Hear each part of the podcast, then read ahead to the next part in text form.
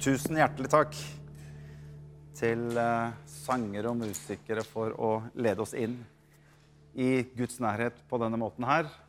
Det er veldig, veldig bra, så tusen hjertelig takk skal dere ha. Godt å være sammen med dere igjen, og for et fantastisk fint vær vi har hatt, og vi har, og vi er inni, og som det ser ut som at det blir litt framover også. Og jeg håper å si godt å se dere som sitter foran eh, TV-skjermen og eh, ser. Eh, vi er kommet til, til inn i siste del av denne serien som vi har kalt for Jesus sine 'Jeg er'-utsagn, som vi finner i Johannes evangeliet.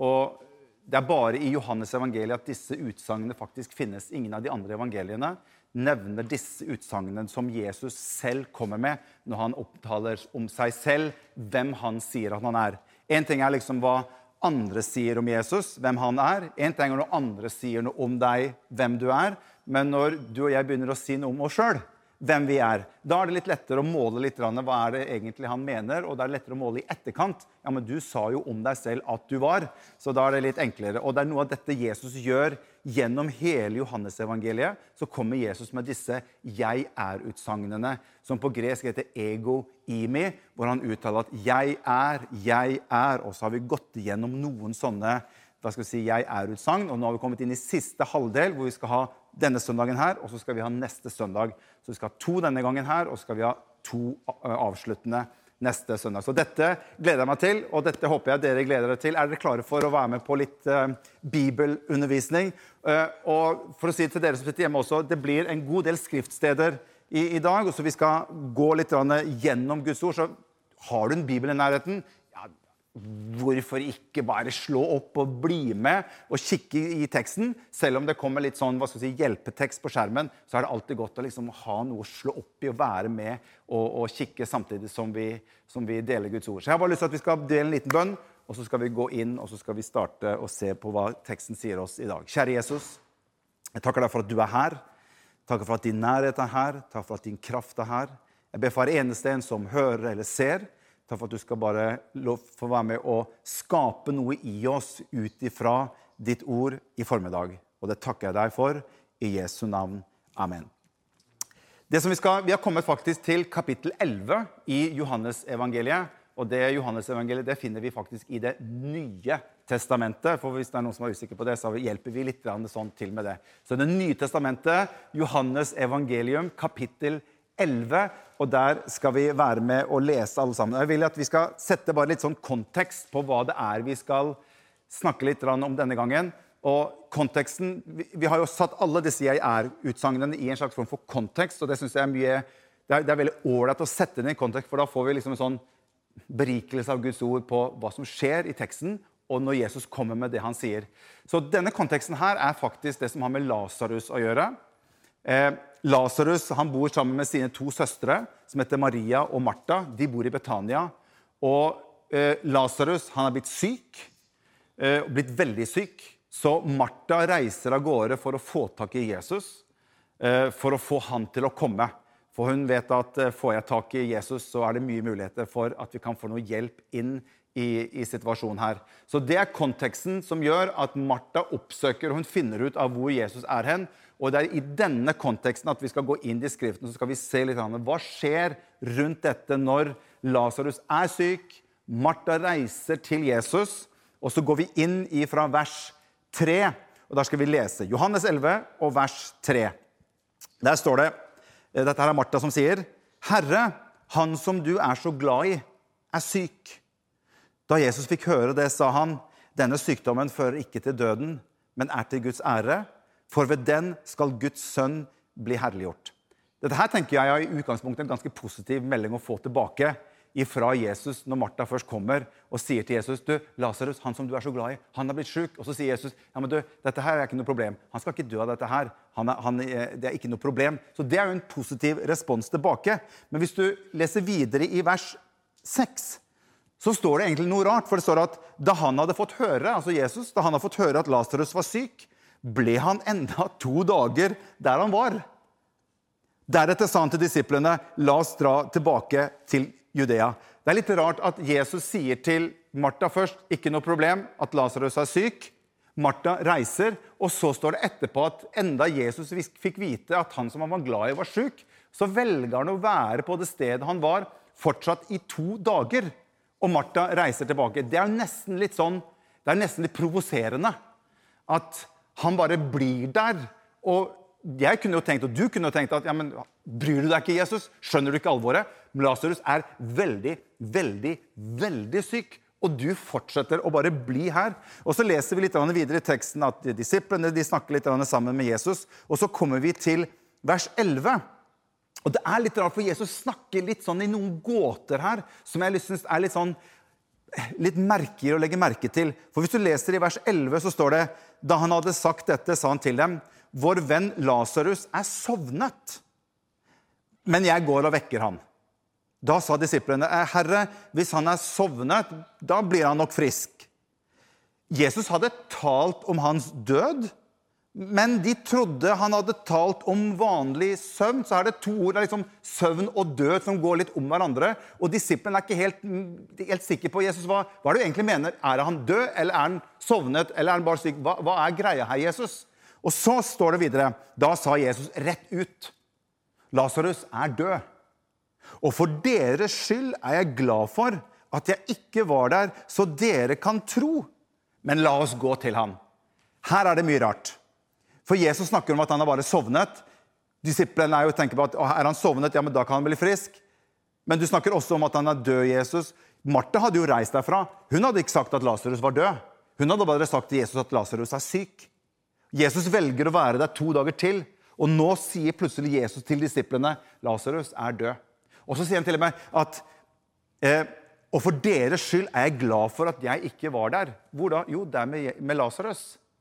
For så dere kan tro. Hva er det han er glad for? At han ikke var der?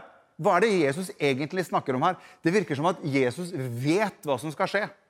Så han sier egentlig til disiplene at jeg er glad for at jeg ikke var der, og dere kan være glad for at dere heller ikke var der. For det dere skal være med om nå Dere har ikke peiling på hva dere skal få lov til å oppleve og erfare. Vi går. Og så sier han bare vi går til han. Og så står det videre i vers 16. Husk på at nå skal de fra, eh, eh fra der hvor de er, og så skal de til Betania, der hvor disse eh, Martha og, og Maria og Lasarus bor. Og da sier Thomas i vers 16 så sier han, Thomas, han som ble kalt tvillingen, sa til de andre disiplene Det er jo litt sånn artig å se. Altså, vi blir også med. Så kan vi dø sammen med han. Det er veldig sånn negativ bekjennelse.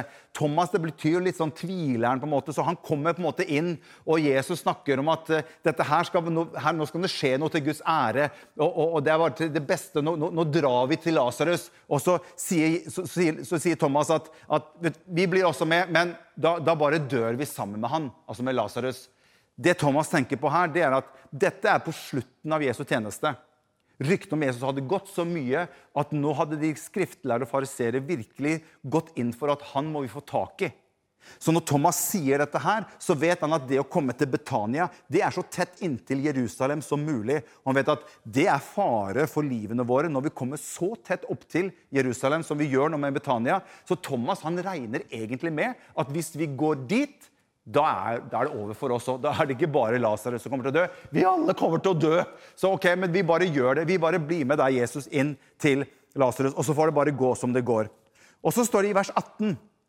Henger det med fortsatt? Betania ligger like ved Jerusalem, omtrent 15 stadier fra byen. 15 stadier, det er, altså det er 15 stadioner. så det er sånn, Hvis en stadion er rundt sånn 500 meter lang, sånt, så er det ca.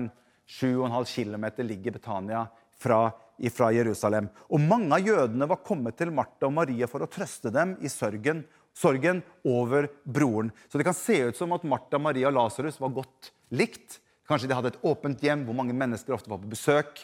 Og nå hadde de fått høre at Lasarus var død, og mange hadde kommet fra Jerusalem for å være sammen med dem. Og i dette er det Jesus kommer inn med disiplene sine. Og det er det vi leser om fra vers 20. Der står det Vers 20. Da Martha hørte at Jesus kom, gikk hun for å møte han. Maria ble sittende hjemme. Martha sa til Jesus, 'Herre, hadde du vært her, så var ikke broren min død.' Dette her er en fortvilet Martha som kommer. Dette er en Martha som ikke hadde blitt imøtekommet hennes forventninger til Jesus helt fra hun var hos Jesus første gangen og sa at han du er så glad i, han er syk, du må komme. Og så hadde ikke Jesus gjort akkurat som Martha hadde tenkt seg det.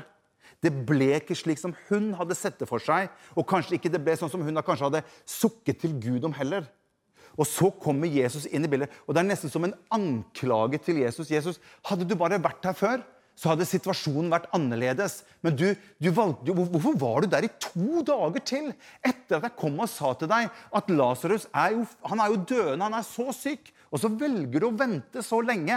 Og det er en skuffet Martha som kommer til Jesus. Og jeg tenker noen ganger at vi i livene våre kan komme opp i situasjoner hvor vi på en måte ikke får på en måte Gud til å bli akkurat sånn som vi kanskje tenker at Gud skal handle inn i våre liv, inn i våre situasjoner, inn i våre utfordringer og vanskeligheter. Og så blir på en måte Gud Du blir ikke den som jeg hadde tenkt at du kunne vært inn i min situasjon. Hadde du bare løst det sånn som jeg hadde tenkt det.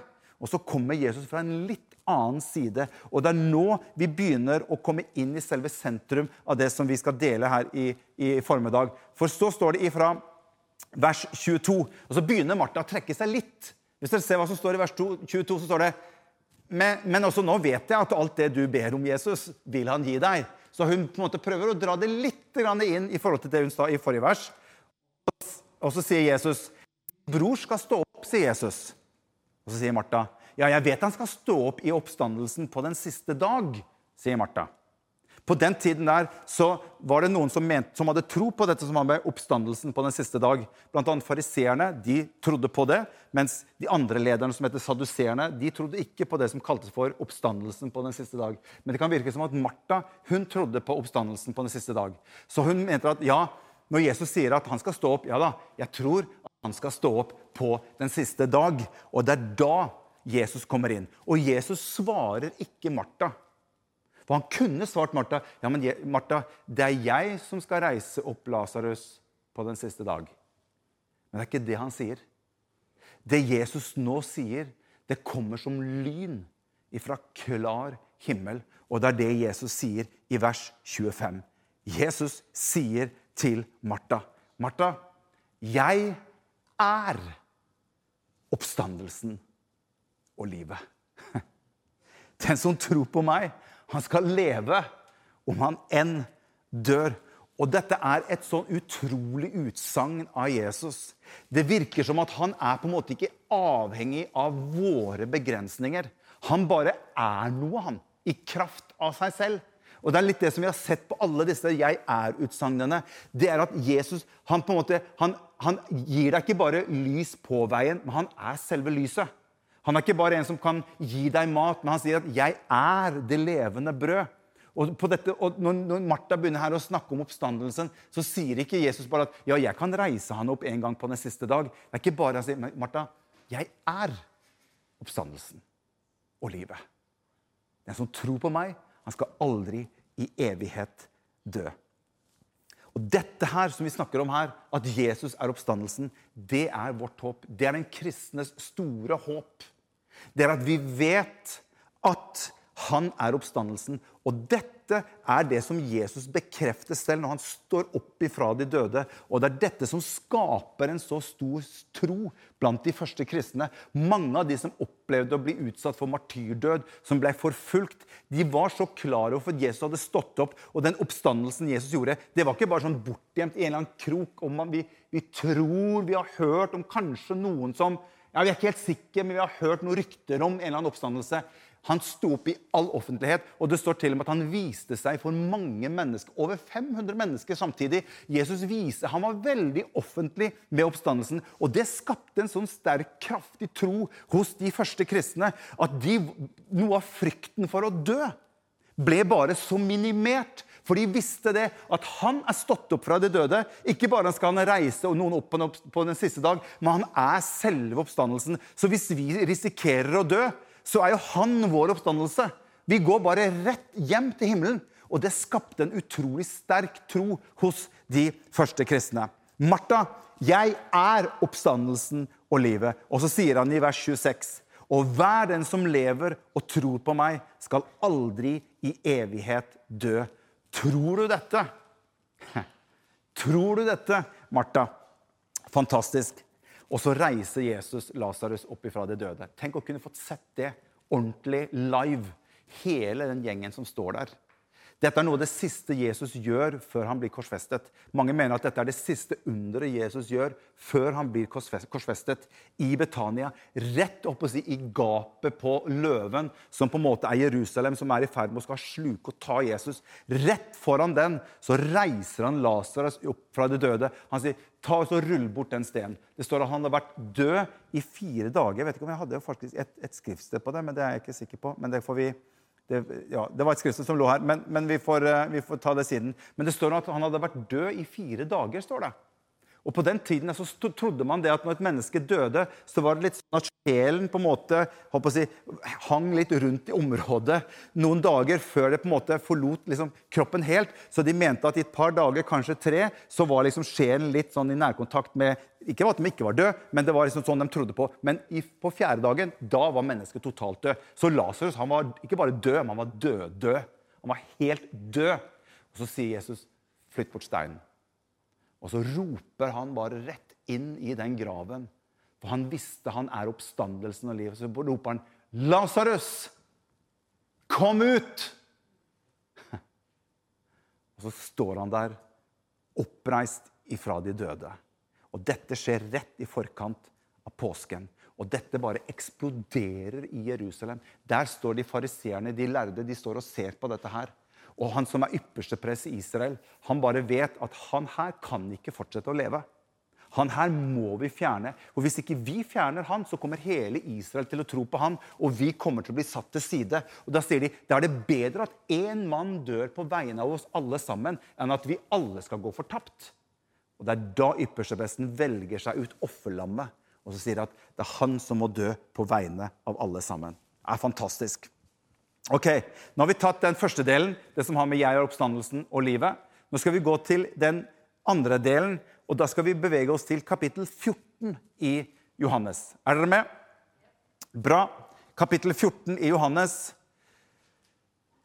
Kapittel 14 i Johannes er faktisk et av de mest leste kapittel statistisk sett i hele Bibelen opp gjennom historien. Så vet dere det. Det er det som står her i kapittel 14.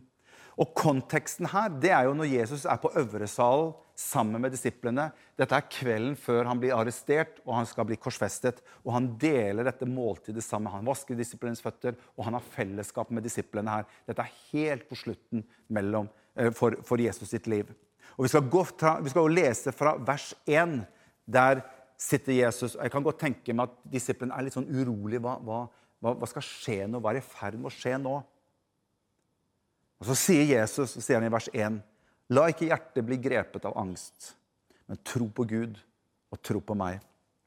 I min fars hus er det mange rom. Var det ikke slik, hadde jeg sagt dere. Var det ikke slik, hadde jeg da sagt dere at jeg går og vil gjøre i stand et sted for dere. Men når jeg har gått bort, nei, og når jeg har gått og gjort i stand et sted for dere, vil jeg komme tilbake og ta dere til meg så dere skal være der jeg er. Og dit jeg går, vet dere veien. Og så kommer Thomas inn igjen. Han får ikke helt catcha alt sammen her. Så han kommer inn igjen i, i, i, vers, i neste vers, i vers 5. Og så sier han, 'Herre, vi, vi, vi vet ikke hvor du går. Hvor, hvor skal du hen?' Hvordan kan vi da vite veien? spør Thomas. Så Jesus forbereder på en måte disiplene at nå går det mot en avslutning. Vi skal skilles fra hverandre. Han sier, 'Jeg går bort for å gjøre i stand et sted for dere.' Og dit jeg går, de kan dere komme også. App, app, app, sier Thomas. Hvor, er det du skal gå hen? Hvor kan vi, hvor, hvor kan vi gå hen for, for, å komme dit? Hva er veien dit? Og Det er noe av dette som, som Jesus begynner å forberede dem på. Og Det er da Jesus sier i vers 6 og Da kommer han til neste utsagn, så sier han Jeg er veien. Og jeg er sannheten, og jeg er livet. Og ingen kommer til Faderen uten ved meg. Og så fortsatte han i vers 7. Har dere kjent meg, så skal dere også kjenne min far. Fra nå av kjenner dere ham og har sett ham. Så Jesus kobler seg selv og sin far i hvordan han snakker om dette med å kjenne han og vite veien til dit Jesus skal gå. Og Da kommer Philip inn i bildet. Nå har liksom Thomas brukt opp kvota si. Nå kommer Philip inn i bildet, for nå har han noe han ønsker å si. Og så sier han, Da sier Philip i vers 8.: Herre, vis oss Far. Det det er nok for oss. Hvis vi kan få lov til å se din far, så tror jeg vi at det skal, det skal hjelpe oss skikkelig. Og Det virker som at det, det er liksom ikke nok at disiplene på en måte har vært sammen med Jesus, sett alt det han gjorde, men han begynner å snakke om sin far, og så er de på en måte litt sånn hva skal vi si, De er litt ute etter at ja, men ok, vi har sett deg, Jesus, men du snakker om faren din. La, la, la, oss få se, far. Jeg vet ikke om dere husker når Moses snakket om Gud. La meg få lov til å se deg i din herlighet. Moses spurte liksom Gud. Og Det virker som at disiplene her kommer til et punkt sier Jesus, vi, vi, ja, vi har sett deg, men vi har lyst til å se far. Kan ikke du bare, hvis du bare viser han for oss sånn skikkelig, så vi ser en ordentlig sånn skikkelig Gud, da, da skjønner vi at, at, dette her er virkelig. De er nervøse. Jesus er i ferd med å si, si er i ferd med å bli tatt, bli korsfestet. Og, og disippelen er nervøs for det som skal skje. Og det er her det virker som at Jesus begynner å bli litt utålmodig. For i vers 9 så svarer Jesus Kjenner du meg ikke, Philip? Enda jeg har vært hos dere så lenge. Den som har sett meg, har sett far. Hvordan kan du da si, Philip, vis oss far? Så Det er nesten som Jesus er litt Philip. Philip, nå har du vært sammen med meg i over tre år. Du har sett alt jeg har gjort. Du har sett mine gjerninger, du har sett meg i aksjon. Du vet hvordan jeg er. Og sier, når du har sett meg, så har du sett far. Jeg er veien, og jeg er sannheten, og jeg er livet. Og når Jesus kommer til det som har med sannheten, så er også det litt sånn tricky. Vi skal gå til avslutning nå så er det også litt sånn tricky, fordi at sannheten er på en måte litt sånn noe du blir stilt litt til ansvar for. Det er en del teologer opp igjennom som har diskutert dette med Jesus sin menneskelighet og Jesus sin guddommelighet. Og De mener på en måte at hans menneskelighet gjør at han ikke kan være allvitende som menneske. Og det gjør på en måte at når, når, Og så er det noen som er litt sånn kritiske, som, at, som har sagt at alt Jesus sa, kunne ikke være helt riktig. Jesus sa bl.a. at hele Skriften er inspirert av Gud. Ja, Hvordan kunne Jesus vite at hele Skriften er inspirert av Gud når han var bare også sant menneske? Eller at Jesus snakket om at, at Moses talte, eller Moses skriver om meg, sier Jesus. Og så er det noen som kritiker som ja, men det er ikke sikkert at det er Moses som har skrevet alle Mosebøkene. Og så, videre, og, så, og så blir man usikker på Jesus sin menneskelighet. Men det som er så utrolig viktig i dette, det er at Jesus sier om seg selv at 'jeg er sannheten'. Og det, det, koster litt å skulle si at jeg er sannheten. Det er det samme som jeg skulle stelt meg foran dere og si at vet du hva, når jeg underviser nå, når jeg sier noe til dere, så bare vit at alt det jeg sier, det hører jeg fra Gud i himmelen. Og han har forresten gitt meg all makt i himmel og på jord. Så når dere tar notater når jeg, når jeg underviser, så bare vit at alt det dere skriver ned, det er 100% sant. Ja, ikke bare er det sant, men jeg er selve håper si, inkarnasjonen av sannhet. Jeg er sannhet. Det er ganske drøyt å si. Men det var derfor Jesus hadde noe å leve opp til. Og han sa om seg selv at 'jeg er veien, og jeg er sannheten'. Alt det Jesus sa, det var sant. Og han beviste at det var sant gjennom hvem han var. Og så avslutter han til slutt og sier ikke jeg bare veien og sannheten, men jeg er også livet. Og dette livet, det er det greske ord som heter soe. Det er dette livet som gjør, som Jesus sier, at om du lever eller om du dør, så hører du Herren til. For det er ingenting som kan ta livet av det soe-livet som kommer på innsiden av deg. Og Jesu oppstandelse er selve bekreftelsen, er selve beviset på at når du og jeg tar imot dette Zoe-livet på innsiden, så er det noe som skjer når du og jeg dør.